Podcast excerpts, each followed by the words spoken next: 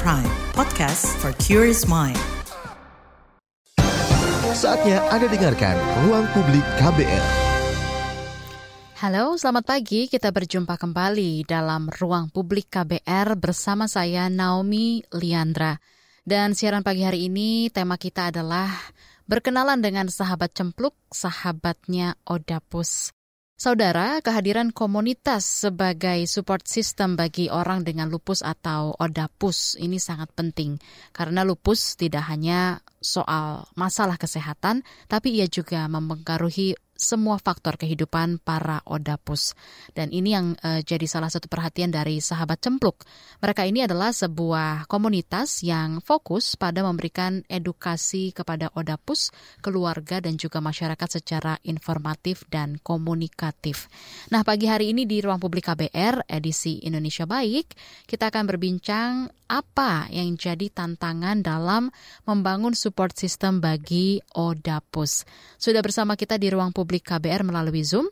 Perwakilan dari Sahabat Cempluk ada Ian Sofian, founder Sahabat Cempluk, dan Puput Arya, co-founder Sahabat Cempluk dan Lupus Survivor sejak 2014. Selamat pagi Mbak Ian dan juga Mbak Puput. Halo Mbak Naomi, selamat pagi. Selamat pagi. Terima kasih Mbak Ian dan juga Mbak Puput sudah hadir di ruang publik KBR pagi hari ini ya. Baik, kita ke Mbak Ian dulu nih. Mbak Ian, uh, sahabat cempluk ini berdiri dari 2014 ya di Yogyakarta dan waktu itu namanya sahabat kupu ya Mbak ya. Nah, ini fokusnya memberi informasi soal lupus begitu.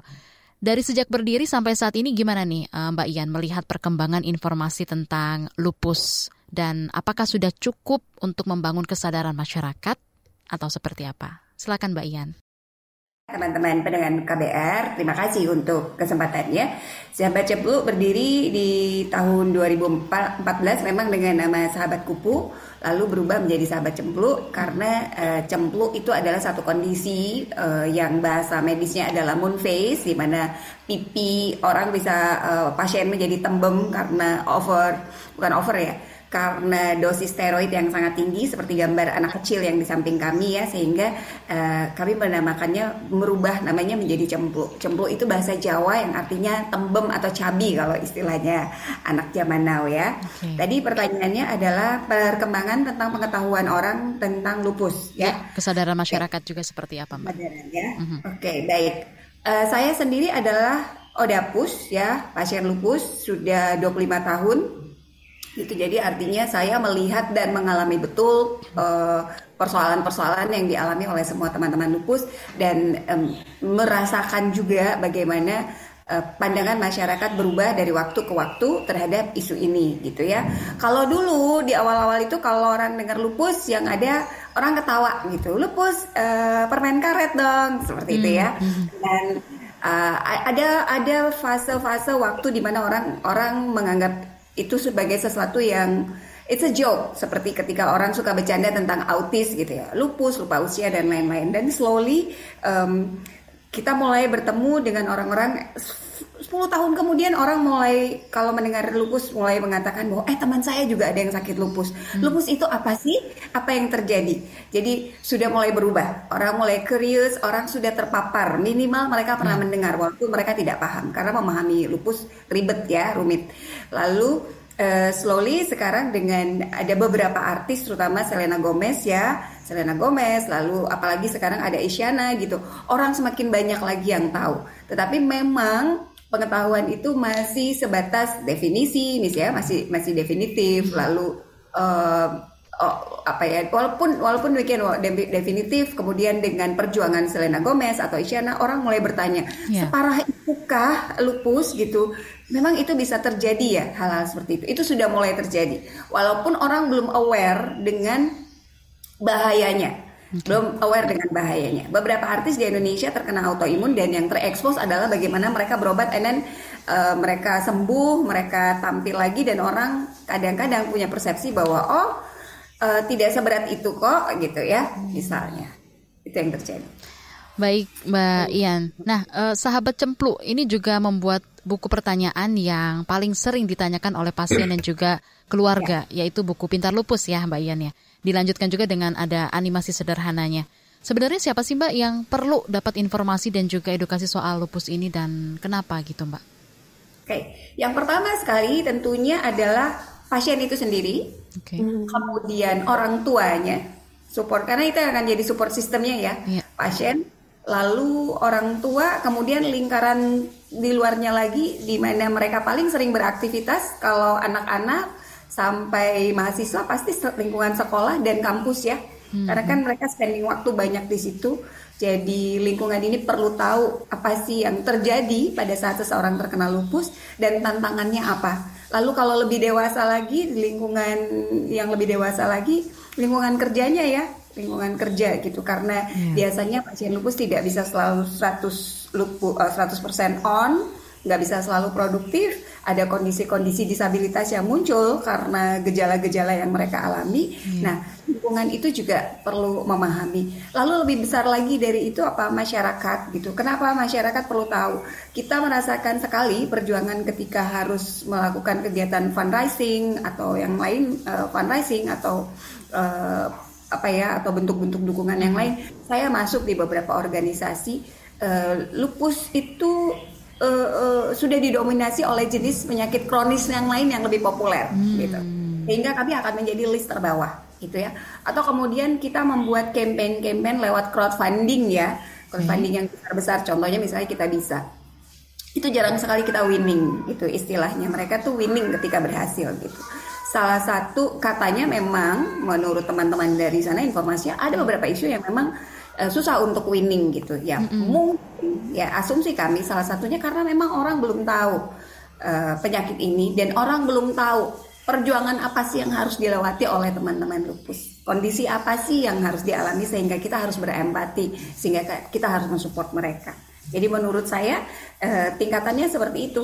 Lalu level berikutnya adalah pemerintah ya sehingga kebijakan-kebijakan yang menyangkut uh, atau mungkin malah pemerintah di nomor satu ya hmm. sehingga membantu kita untuk bergerak ya kebijakan-kebijakan yang menyangkut pengadaan obat ya. kebijakan yeah. mendorong kebijakan rumah sakit untuk lebih friendly gitu ya tentang fasilitas uh, untuk Odapus fasilitas medis itu ya hal-hal seperti itu lalu dukungan-dukungan lain tentunya ya kita belum pernah nih pemerintah ikutan bikin hari lupus sedunia yang seru gitu semuanya harus diinisiatif hmm. uh, di, diselenggarakan oleh komunitas maupun yayasan-yayasan yang ada Okay. Halo Menteri Kesehatan. Baik Mbak Ian. Nah, uh, tadi sudah disampaikan oleh Mbak Ian gitu ya, siapa saja yang perlu mendapatkan informasi ini dan tentunya edukasi soal lupus ini. Bahkan dari pemerintah aja harusnya uh, sudah mulai gerak gitu ya Mbak Ian ya. Nah ya. sekarang kita ke Mbak Puput nih. Mbak Puput ya, uh, sudah menjadi Odapus sejak 2014 ya, berarti 9 tahun lalu ya Mbak ya. Nah ya, betul. mungkin bisa di sharing sama kita di sini di ruang publik uh, menjadi Odapus dan bersama sahabat cempluk ini seperti apa Mbak Puput silakan. Jadi sebelumnya itu di 2013 saya mulai masuk kuliah terus mengalami uh, kelelahan yang ekstrim terus yang sebelumnya saya jarang sakit tiba-tiba kayak gampang kelelahan, demam, uh, demam tinggi, berkepanjangan gitu-gitu. Terus tapi saya uh, enggan gitu ke rumah sakit, jadi cuma minum minum obat datang ke apotik. Nah, sampai ke titik saya sendi-sendi saya susah digerakkan, seperti lumpuh gitu, Mbak. Mm. Dan kulit saya penuh dengan herpes, sariawan, itu kondisi saya, gejala yang saya hadapi. Akhirnya baru saya masuk uh, datang ke IGD untuk dirujuk ke IGD, ketemu dokter, terus dokter menyampaikan, tapi dokter yang menangani saya waktu itu belum menyampaikan kalau saya penyakit lupus. Jadi diagnosis diagnosis saya itu mm -hmm.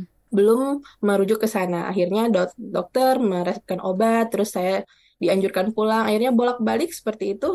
Eh, kira-kira uh, hampir bisa sampai 10 kali. Mm -hmm. Sebulan itu bisa 2 sampai 3 kali saya masuk UGD.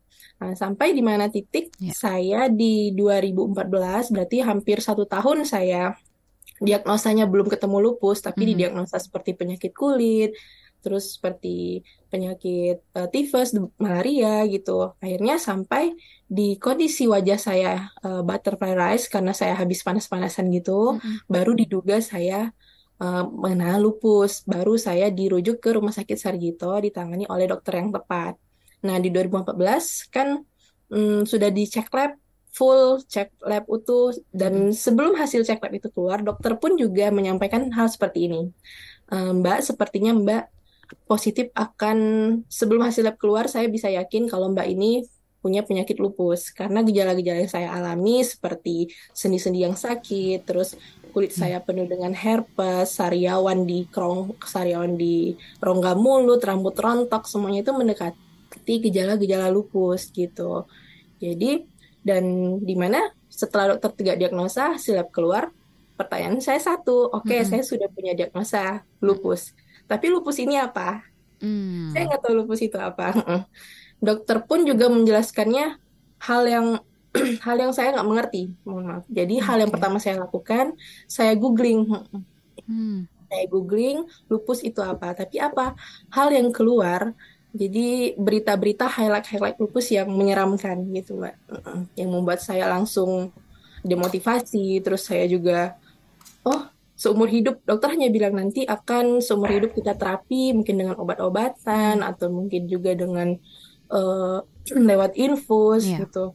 Terus juga, oh, terus saya harus bagaimana dok? Apa yang harus saya ubah gitu? Dokter juga bilang nggak ada sebenarnya, tapi uh, dengan kalimat-kalimat seperti berarti saya belum ketemu lupus ini apa. Akhirnya hmm. saya uh, 2016 ya 2016 saya bertemu Mbak Ian di Rumah Sakit Sarjito di event Hari Lupus Sedunia karena sebelumnya saya menutup diri saya menutup diri karena biar orang-orang nggak tahu kalau saya ini sakit lupus karena kondisi lupus yang seperti itu bikin orang-orang buat menjauhi saya apalagi kan saya itu uh, baru masuk kuliah di kampus banyak iya. kegiatan hal-hal yang bikin saya jauhi teman-teman terus juga kadang juga saya tidak bisa masuk kuliah bahkan saya 2015 full cuti tidak kuliah satu tahun karena saya lumpuh tuh akhirnya 2016 saya dipertemukan dengan Mbak Ian.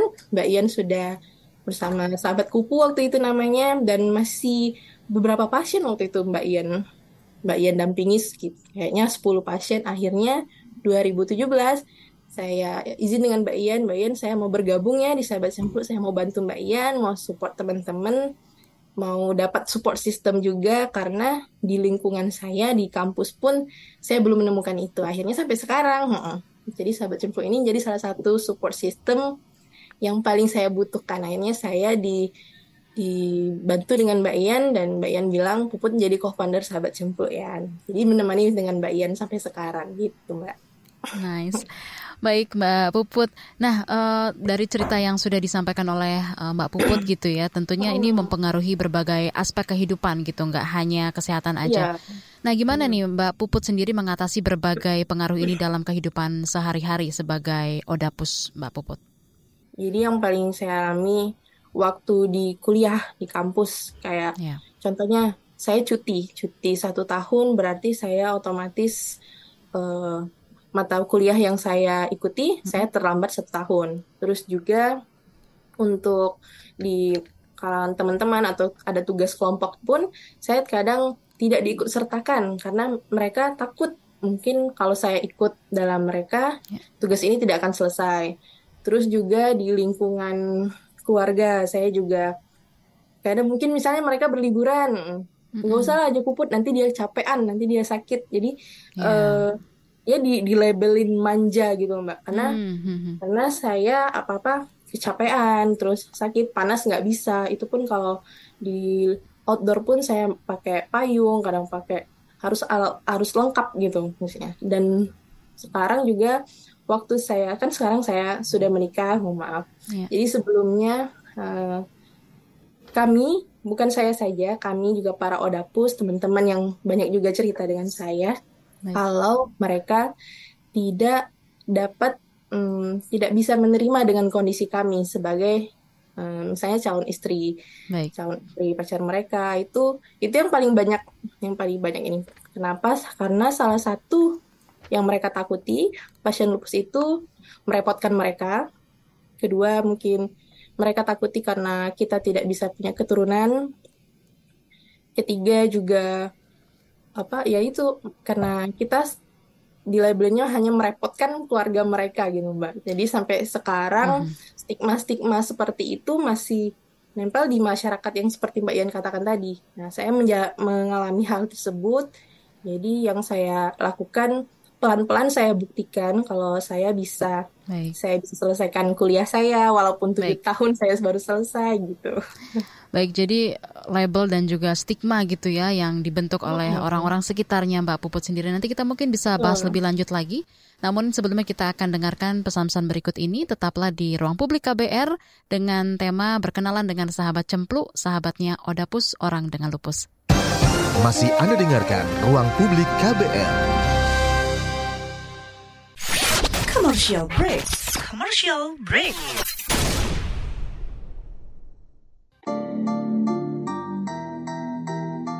Come on yo Buat yang sukanya berhoax You better listen to this one Check this one out yo Hati-hati kalau baca kabar Hoax. Jangan langsung disebar kabar yang Hoax. Kalau mau tahu kabar benar atau Hoax. Dengerin cek fakta yang pasti bukan Hoax. Dengerinnya setiap Senin yang jelas bukan Hoax. Cuma ada di kbrprime.id. Dan aplikasi podcast lainnya Hoax. Sudah cukup-cukup hoaxnya? Hoax. Cukup Jaga emosi, tahan jari, verifikasi sebelum dibagi. Saya Aribo Sasmito, Ketua Komite Pemeriksa Fakta Mafindo. KBR Prime, podcast for curious mind. Masih Anda dengarkan Ruang Publik KBR. Anda masih menyimak Ruang Publik KBR dengan tema kita yaitu berkenalan dengan sahabat cemplu, sahabatnya Odapus. Kita masih berbincang-bincang bersama dengan Mbak Ian dan juga Mbak Puput dari sahabat cemplu ya. Nah Mbak Ian tadi eh, sebelum break itu dari Mbak Puput sudah menceritakan gitu ya salah satu yang dialami gitu ya bahwa eh, sering sekali dilabeli atau juga stigma-stigma yang eh, mengelilingi kehidupannya si Mbak Puput ini sendiri. Nah dari pendapat Anda sendiri seperti apa Mbak Ian mengenai stigma dan juga label yang tadi diceritakan oleh Mbak Puput? Eh, stigma-stigma itu kan muncul karena ketidaktahuan ya karena tidak ada referensi lalu orang menyimpulkan berdasarkan apa yang mereka lihat apa yang mereka ketahui selama ini gitu apa yang dialami alami Mbak Puput juga dialami saya. Dialami oleh hampir semua pasien lupus. Eh, kadang-kadang kita dicurhatin nih sama pasien. Mbak kakakku tuh merit weddingnya tuh dari pagi siang sampai besoknya. Terus keluarga maunya aku terlibat full gitu. Padahal aku udah nggak sanggup. Aku pengen istirahat misalnya kayak gitu ya. Lalu eh, keluarga dengan entengnya menganggap kamu gitu aja gitu ya. Karena kadang-kadang memang secara fisik itu terlihat baik-baik saja. Jadi memang ada yang terlihat ada perubahannya secara fisik eh, kelihatan nampak di luar tapi banyak yang terlihat baik-baik saja seperti saya dan Puput jadi eh, stigma-stigma yang muncul biasanya apalagi kalau mereka tinggalnya di daerah yang eh, paparan informasinya tidak banyak ya, Oke. misalnya di kampung gitu. Di kampung itu kan eh, social pressure-nya besar sekali ya. Kalau semakin di kota biasanya orang lebih lebih nggak terlalu ngurusin orang lain Iya. gitu. Tapi kalau mereka tinggal di desa-desa itu social pressure itu luar biasa besar gitu ya. Jadi mereka biasa misalnya dikomentarin, anak kok sakit-sakitan, udah keluar rumah sakit kok masih tiduran aja gitu ya. Kok pemalas dan lain-lain. Jadi stigma-stigma seperti itu. Kenapa ke- kenapa paling sering eh, istilah malas itu muncul gitu ya? Eh, kondisi yang dialami Odapus hampir 80% Odapus, 75 sampai 80% Odapus mengalami kondisi yang namanya kelelahan kronis. Kalau teman-teman kemarin ada yang teman-teman pendengar KBR ada yang mengalami COVID lalu merasa sindrom eh, tiredness atau kelelahan Iya. seperti itulah yang dirasakan umumnya oleh Odapus. Tetapi kita kalikan 5 lalu kita panjangkan waktunya. Kenapa? Ya, kita kalikan 5 kondisi itu lalu panjangkan waktunya. Itu yang dirasakan teman-teman. Kelelahan itu tidak bisa dikontrol. Kelelahan itu tidak cukup hilang dengan tidur saja atau istirahat saja. Ya, dengan makan yang cukup, olahraga dan lain-lain. Eh, kelelahan itu terjadi sampai di otot-otot sehingga teman-teman tidak bisa mengontrol kondisi tadi. Nah, seringnya merasa lelah dan eh, kondisi lelah tadi sementara secara fisik tidak ada yang berdarah, tidak ada yang bengkak. Easy buat orang lain menjudge bahwa ini anak males nih, cuma mau tidur-tiduran aja. Ya, jadi misalnya seperti itu. Itu yang kita sebut dengan invincible disabilitas ya. Eh, disabilitas disabilitas yang tidak kelihatan. Lalu lupus juga kan menyerang saraf ya, sehingga eh, teman-teman akan kesulitan melakukan hal-hal yang sederhana, misalnya menulis. Nanti Puput bisa cerita ketika dia tidak bisa menulis, lalu harus pakai joki gitu ya itu dialami oleh banyak orang mereka tidak bisa menulis bahkan saya menggunakan handphone pun sulit misalnya Yeah. seperti itu. jadi kondisi-kondisi ini yang mungkin le- perlu lebih sering disampaikan diceritakan sehingga eh, lingkungan kita terutama lingkungan terdekat ya Iya. eh, bisa memahami itu. Nggak baper duluan teman-teman Odapus please be strong jangan baper duluan. Memang kadang setelah kita menyampaikan pun belum jaminan orang langsung menerima. Bisa saja ah alasan gitu ya. Ini stigma-stigma yang terjadi. Lalu yang seperti puput alami tadi karena kan memang 90% terjadi pada perempuan ya. Iya. terjadi pada perempuan. Lalu ketika di usia usia mereka juga uh, ingin berkeluarga ingin punya anak itu menjadi challenge lagi gitu. Karena tidak semua keluarga mau menerima kondisi di mana orang membawa penyakit bawaan gitu ya. Bagaimana kalau itu menurun pada cucu saya nantinya misalnya ya. Nanti gimana anak saya akan menjadi beban buat anak saya dan seterusnya. Jadi itu eh, beberapa stigma. Belum lagi bully yang dialami oleh teman-teman karena perubahan fisik yang ekstrim. Mhm. Perubahan fisiknya ekstrim Ekstrim itu ditambah terjadinya tiba-tiba sangat cepat Oke. ya.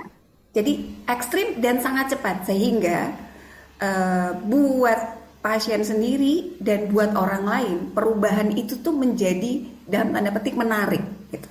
Dan itu menimbulkan lagi hal-hal baru gitu ya. Misalnya nih ada pasien yang keluarganya sendiri misalnya menuduh ini anak hamil ya. Kamu hamil, ayo dites hamil kata bapaknya gitu ya. Belum apalagi yang di luar ya kalau lingkungan keluarganya terkaget-kaget gitu. Jadi kondisi ketika pasien sendiri masih harus memproses kondisinya yang berubah secara tiba-tiba apa yang dia rasakan dia nggak paham perubahannya dia nggak happy gitu ya. Lalu eh, lingkungan ini menjadi eh, tidak suportif itu menjadi sangat sangat sulit Jadi harapannya dengan kita ngomong-ngomong seperti ini teman-teman lebih aware lebih tahu lalu stigma ini mereda berkurang sedikit demi sedikit. Oke, Mbak Ian. Nah, kita ke Mbak Puput lagi ya. Mbak Puput tadi sempat bilang gitu ya, bertemu dengan Mbak Ian gitu eh, dari mulai namanya Sahabat Kupu di tahun 2016 ya, Mbak ya. Nah, itu kan menjadi support system lah bisa dibilang seperti itu. Tapi menurut Mbak Puput sendiri seperti apa peran support system bagi Odapus, Mbak? Siapa yang bisa jadi support system menurut Anda?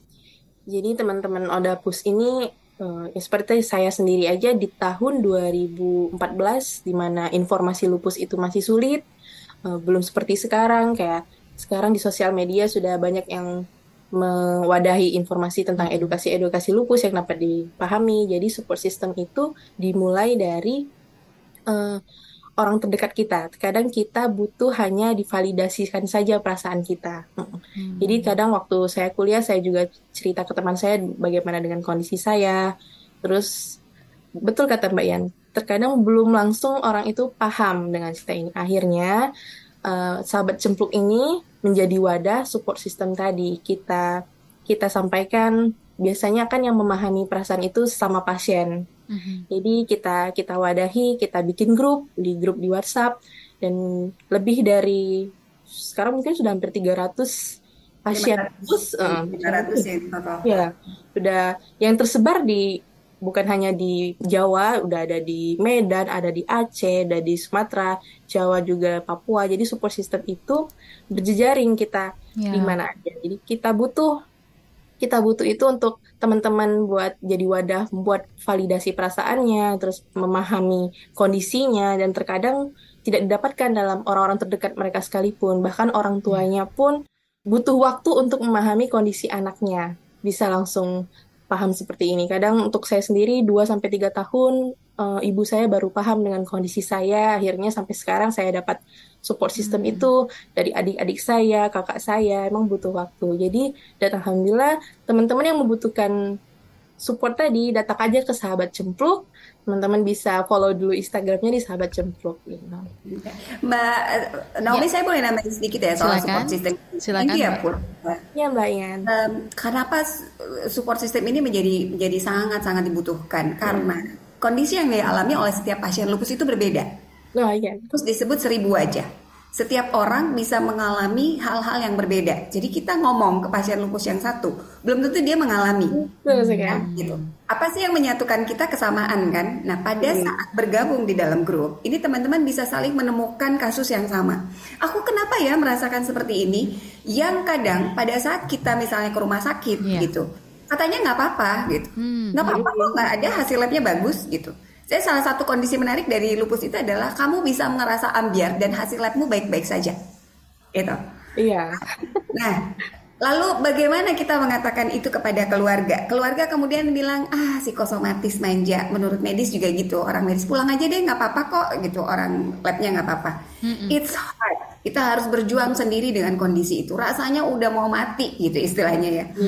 Nah, di di grup ini, support system ini, ketika kita mengatakan, aku kok ngerasa tiba-tiba lemas dan rasanya kayak eh ini ya, kalau yang bilang nanti ada temennya yang lain bilang bahwa aku juga merasakan seperti itu, yang lain, oh aku nggak gila ya, emang lupus bisa bisa seperti itu, aku kok merasa ini dan seterusnya.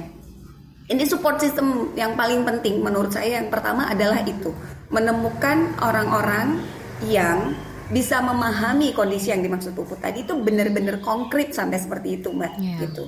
Ini aku kok eh, berhalusinasi gitu ya mereka sampai halusinasi. Lalu dia menemukan teman lain yang eh, misalnya sesama orang tua ya bisa cerita bahwa anak saya seperti oh anak saya juga. Itu udah support system pertama gitu. Hal pertama yang mereka bisa temukan di sana. Lalu support system yang lain apa? Eh, informasi. Seringkali di Indonesia ini beberapa tahun yang lalu saya pernah baca perbandingan pasien dan dokter itu satu banding 300 apalagi dengan tipe penyakit yang dokternya masih terbatas. Wah. ya kita nggak ada tuh yang namanya spesialis lupus. Lupus itu dipegang oleh banyak dokter. Dokternya terbatas. Eh, pemahaman tentang penyakit ini tidak semua dokter juga punya gitu ya. Lalu eh, satu pasien punya berapa menit sih? Apalagi pasien BPJS ya mohon maaf untuk bisa ngobrol sama dokternya kami membantu di sana memprovide informasi-informasi tersebut. Ngobrol di dalam grup itu membantu, memfasilitasi dokter untuk teman-teman bisa berdiskusi tentang kondisinya. Iya. Itu menjadi penting karena kuncinya kan di awal teman-teman harus tahu kondisinya untuk kemudian mereka bisa ngapain terhadap kondisi itu. Lalu kebutuhan kebutuhan obat dan lain-lain ada banyak. Jadi support system ini menyangkut semua kebutuhan, semua aspek yang dibutuhkan oleh pasien. Baik, bahkan tadi ya seperti yang Mbak Ian sampaikan gitu ya, hasil medis keluar itu yang dipercayai oleh keluarga gitu ya. Maka dari Ya. itu sahabat cemplu ini memang sangat-sangat diperlukan sekali untuk Odapus. Ruang publik akan segera kembali. Masih Anda dengarkan Ruang Publik KBR. Yuk follow social media KBR. Twitter at Berita KBR. Instagram at KBR.id. Youtube Berita KBR. Masih Anda dengarkan Ruang Publik KBR. Masih berbincang bersama dengan kedua narasumber kita dari sahabat cemplu ada Mbak Ian dan juga Mbak Puput. Kita ke Mbak Ian dulu. Mbak Ian, eh, sahabat cemplu ini punya beberapa program ya, seperti cemplu badi dan juga Ghost to School. Mungkin bisa diceritakan eh, Mbak Ian seperti apa sih program-program ini dan juga apa dari tujuannya? Silakan. Oke. Baik, Mbak Naomi. Tadi kan saya sempat menyebutkan tentang kondisi fasilitas yang terbatas dan lain-lain ya. Ya. eh, terhadap support system tersebut. Nah, em, program yang tadi yang namanya Cemblu Badi, jadi kondisi yang dialami oleh teman-teman seperti tadi disampaikan oleh Puput itu juga dialami oleh saya dan oleh kebanyakan teman-teman ya. Ada kondisi di mana kita terisolasi. Terisolasinya kenapa ya? Karena sakit gitu. Pemulihan pasien lupus itu butuh waktu panjang, nggak sebulan, dua bulan, ada bisa enam bulan, ada bisa satu tahun. Sebulan saja di rumah waktu eh, COVID melanda, teman-teman merasakan ya rasanya di rumah nggak bisa ke mana-mana. Itu it's it's hard gitu. Eh, kita ter- merasa tertinggal, dunia berjalan, dunia berlari, la- berlari, lalu kita di rumah aja gitu ya. Belum tentu keluarga punya waktu untuk memperhatikan kita yang di rumah. Belum tentu teman-teman punya waktu untuk berkomunikasi dan memperhatikan kita. Sehingga teman-teman lupus ini sering merasa kesepian. Itu ya, sering merasa kesepian karena terisolasi. Em, lalu kalau mereka datang dari keluarga-keluarga yang mohon maaf yang kondisi ekonominya uh, menengah ke bawah gitu. Orang tuanya sibuk bekerja sehingga mungkin uh, tidak punya waktu untuk selalu mendampingi, bertanya, dianterin ke dokter, minum obat udah cukup gitu. Hmm. Kalau yang lebih mampu mereka mungkin yang yang ke atas mereka bisa mendampingi lebih lebih lebih apa ya? Lebih oh maaf. Uh, lebih intensif karena mereka sudah tidak memusingkan masalah keuangan misalnya seperti itu sehingga mereka bisa fokus pada menu makanan yang baik dan lain-lain. Baik. Nah, Cemplu Badi ini fungsinya adalah menjadi teman dari teman-teman cemplu untuk membantu apa misalnya menjadi teman ngobrol. Hmm. Sesederhana menanyakan obatnya sudah diminum belum gitu. Kenapa ini jadi penting ya? Karena kita menemukan banyak pasien kambuh itu hmm. karena obatnya nggak diminum. Oke. Okay. Mereka bosen, ya minum obat jumlahnya banyak bertahun-tahun nggak berhenti, bosen dan itu fatal sekali Kenapa fatal sekali? Ada jenis obat-obatan seperti steroid itu nggak boleh tiba-tiba berhenti. Kalau berhenti, mm-hmm. efeknya akan terjadi efek rebound. Ini menurut Profesor Zubairi ya. Mm-hmm. Efek rebound. Efek rebound itu apa?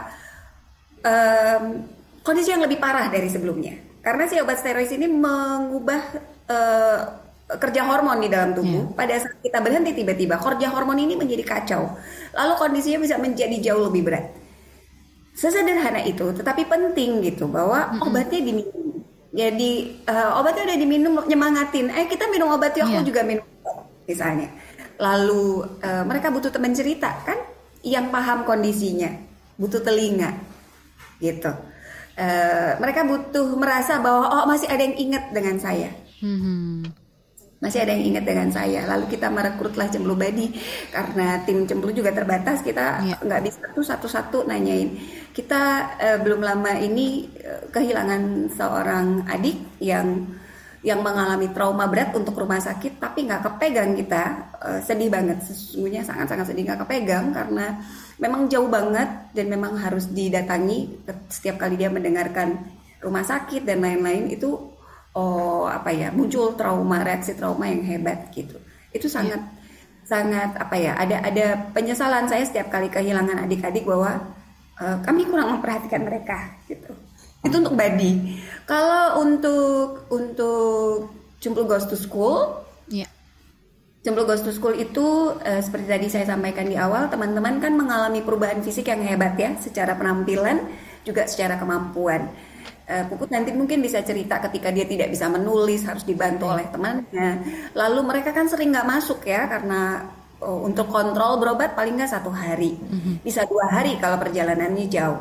Uh, pasien kita 80% itu yang berobat di Rumah Sakit Sarjito di Jogja itu dari luar kota, bukan dari Jogja. Hmm. Perjalanannya naik motor misalnya uh, dua jam, naik Eh, kendaraan 6 jam gitu ya dan Baik. itu artinya mereka bisa bolos satu dua hari lalu kalau mereka ada kondisi obat-obatan harus masuk atau dirawat minimal dua hari tiga hari itu paling sedikit lalu bisa seminggu dua minggu teman-teman sering tertinggal pelajaran nah kondisi ini uh, artinya mereka butuh support ya di sekolah karena mereka tertinggal.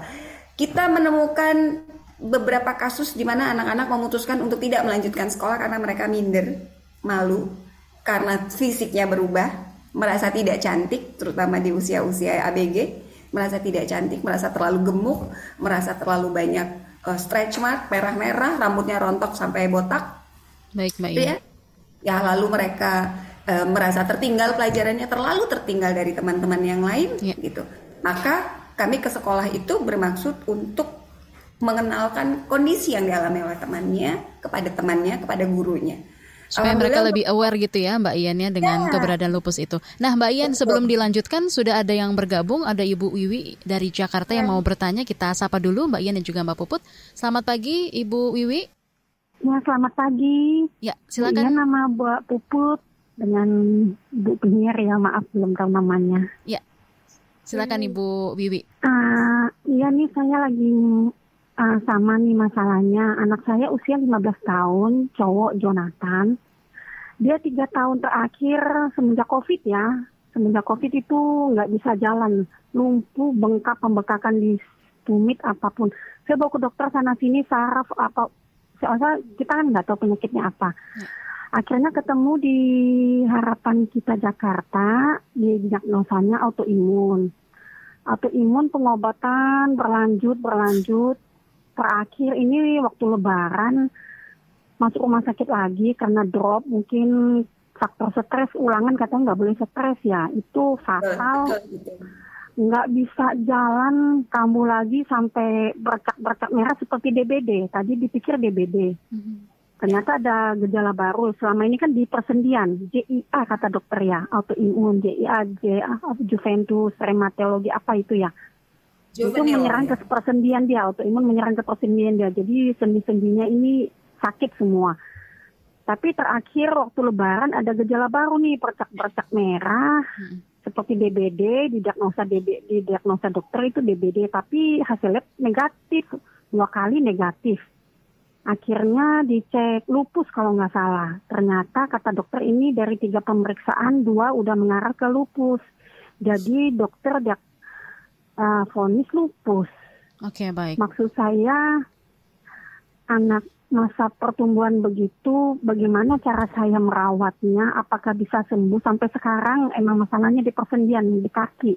Itu untuk berjalan emang agak enggak seperti kita pada umumnya untuk berlari mungkin nggak bisa. Yang ingin saya tanyakan, apakah lupus atau autoimun itu mempengaruhi reproduksi dia? Kedua, apakah saya harus ke mana pengobatannya ya atau dokter atau terapi? Soalnya selama ini saya ke rumah sakit sudah lumayan banyak, tapi kemajuan nggak ada, bergantung pada obat ya.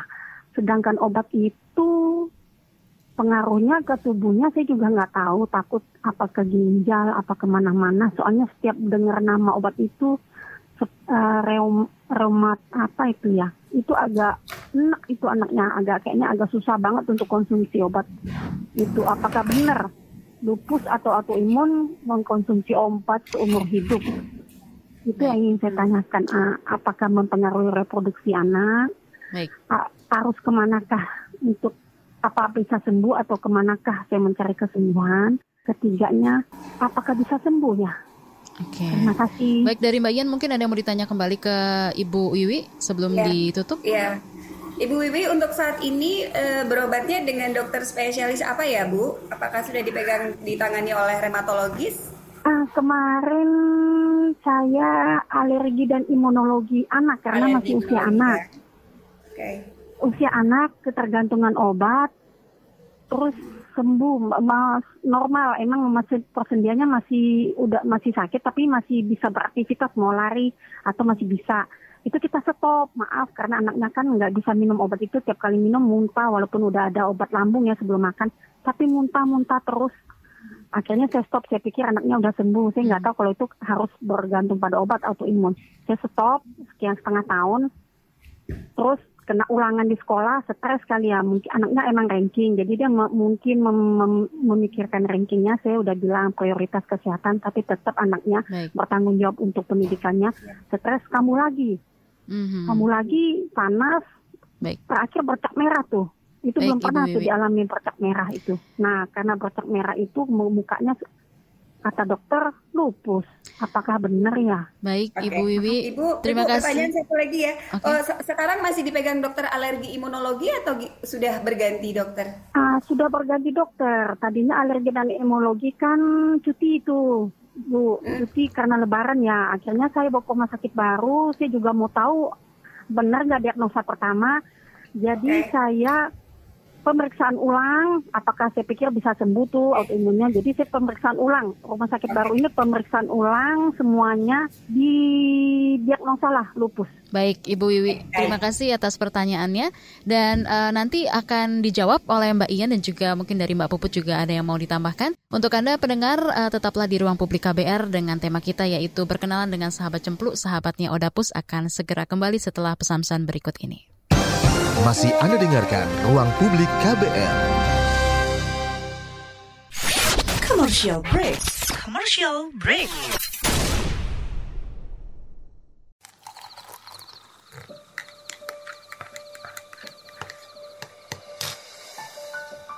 Hai, kamu apa kabar?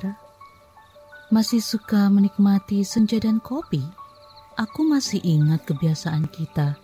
Sehabis pulang kerja, selalu mencari tempat untuk sekedar ngobrol dan ngopi. Tapi kadang kita kehabisan bahan obrolan. aku masih melakukan hal yang sama sampai sekarang tanpa harus takut habis bahan buat ngobrol. Karena aku selalu mendengarkan KBR sore dari Senin sampai Jumat jam 4 sore. Ah, aku rindu. KBR Inspiratif Terpercaya. Masih Anda dengarkan Ruang Publik KBR. Kita tiba di bagian akhir ruang publik KBR pagi hari ini. Tadi sudah ada pertanyaan yang masuk melalui telepon bebas pulsa KBR dari Jakarta ada Ibu Wiwi.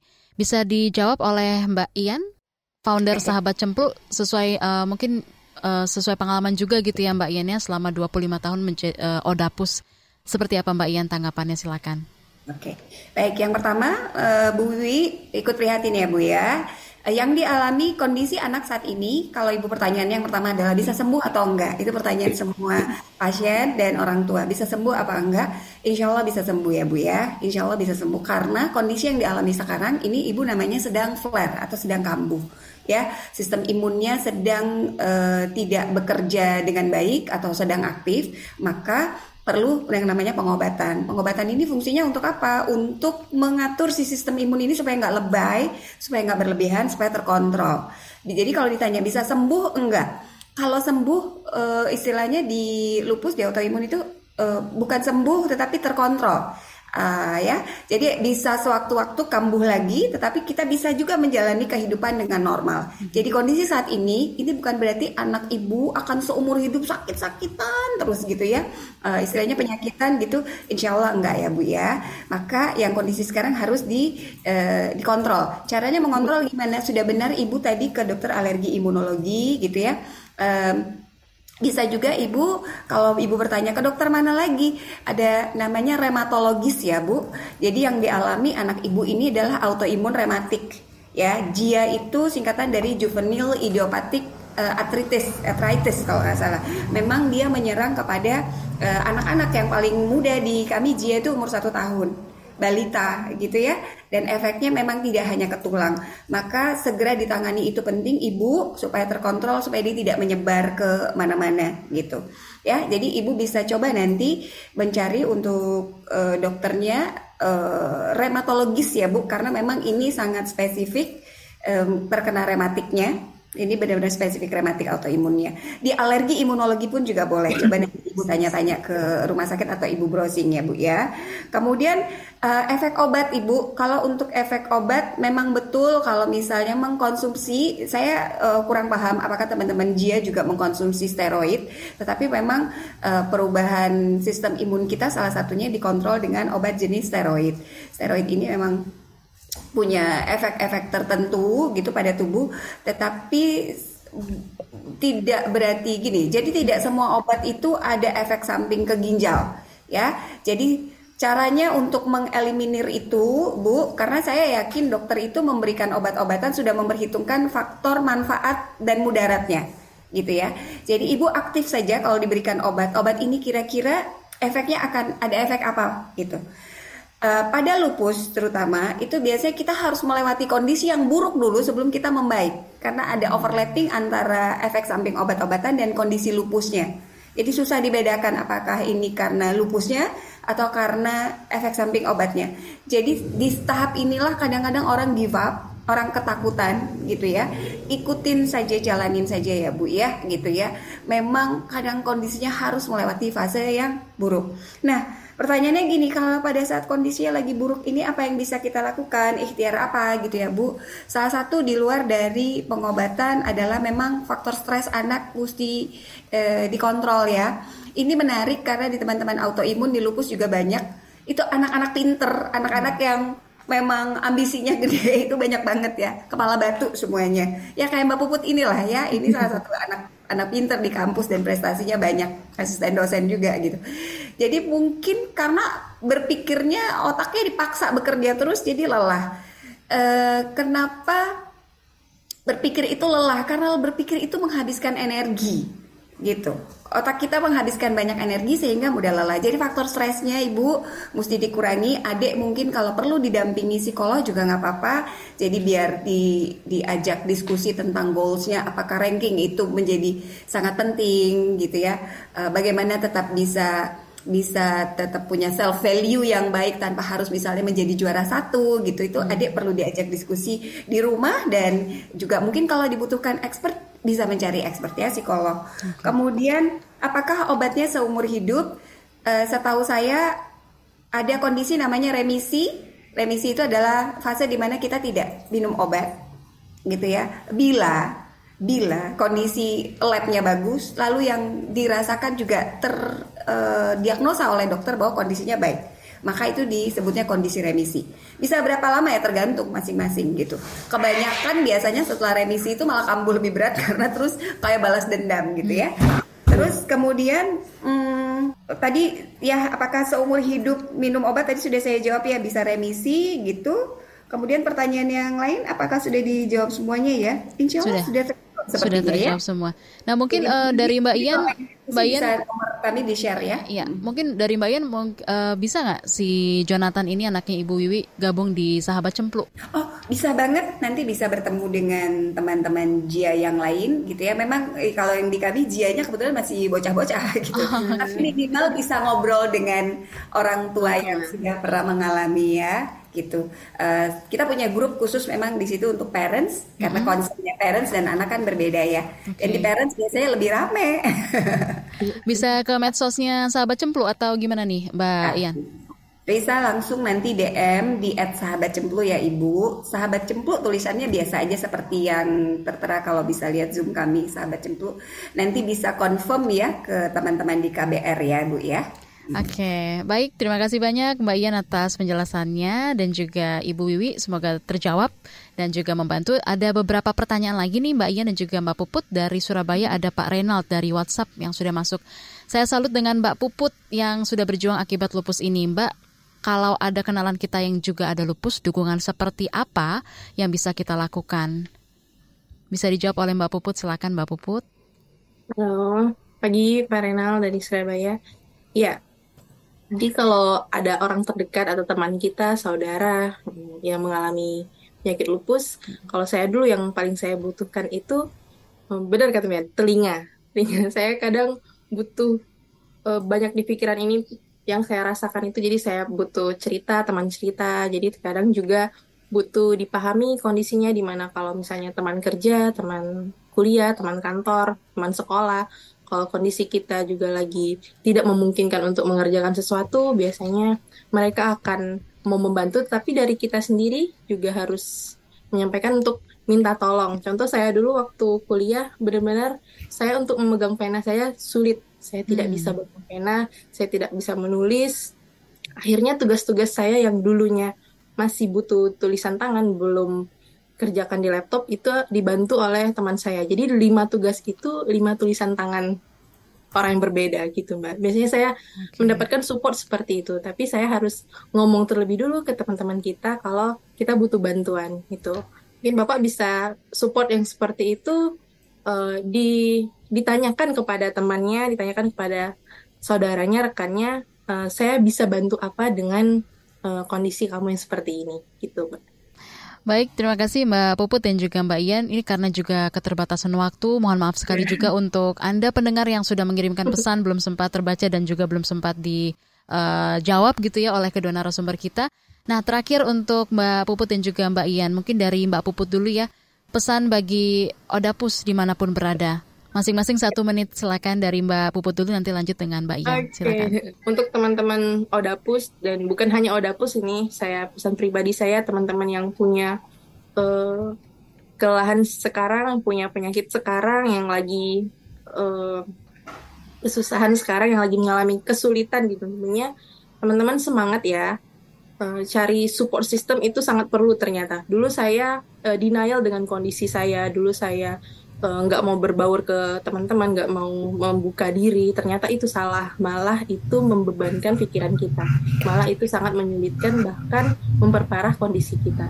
Jadi cari support system itu uh, teman-teman yang punya penyakit lupus bisa follow sahabat cemplu terus juga teman-teman mungkin yang punya kondisi yang lain bisa cari komunitasnya cari uh, komunitas di tempat kalian bis sekarang sosial media sangat yeah. menggampangkan untuk mencari ini. Semangat ya teman-teman ya, Mbak Ian. Fighting. Ya. Silakan Mbak Ian. Ya, kalau dari saya yang pertama untuk uh, keluarga, untuk keluarga uh, pada saat anak-anak uh, sedang sakit dan segala macam mereka tidak menjadi uh, memang ada kondisi-kondisi yang mem, yang membuat mereka terbatas tetapi uh, mereka tidak perlu diperlakukan seperti orang yang tidak bisa ngapa-ngapain ya it's not good itu toxic oke okay? yang kedua yang kedua mendengarkan seperti yang Puput katakan tadi itu termasuk uh, uh, tidak perlu terlalu semangat untuk hmm. memberikan motivasi yang berlebihan hmm. karena pada saat mereka sedang kondisinya seperti itu lalu kamu bisa dan segala macam no hmm. mereka akan berpikir bahwa kamu nggak tahu rasanya aku harus tetap positif kadang mereka harus divalidasi bahwa pada saat seperti itu mereka memang lagi negatif contoh seperti ini aku ngerasa capek banget enggak kamu bisa no katakan uh, apa yang kamu rasakan? Selelah itu kan aku tidak bisa membayangkan itu berat misalnya. Itu contoh memvalidasi. Dan yang terakhir teman-teman, Sebentar lagi katanya kita akan mengalami gelombang panas, panas sinar hmm. matahari, sinar UV, hawa panas itu adalah musuh dari eh, teman-teman uh, lupus. Kita kayak Superman dan Kryptonite. Kita tidak get along dengan itu. Tingkat flare saat ini di komunitas cemblut cukup tinggi karena hawa panas yang luar biasa. Hati-hati teman-teman. Jangan lupa pakai sunblock, lindungi benar-benar kalau harus beraktivitas siang. Ya kamu yang harus punya kesadaran Baik. karena tubuh kita cuma satu dan itu harus dipelihara. Ya fighting Fighting, thank you. Terima kasih banyak untuk Mbak Ian Sofyan, founder Sahabat Cemplu, dan juga Mbak Puput Arya, co-founder Sahabat Cemplu dan Lupus Survivor sejak 2014. Akhirnya saya Naomi Liandra harus pamit di ruang publik KBR dengan tema berkenalan dengan Sahabat Cemplu, sahabatnya Odapus. Terima kasih dan sampai jumpa. Baru saja Anda dengarkan Ruang Publik KBR. KBR Prime, cara asik mendengar berita. KBR Prime, podcast for curious mind.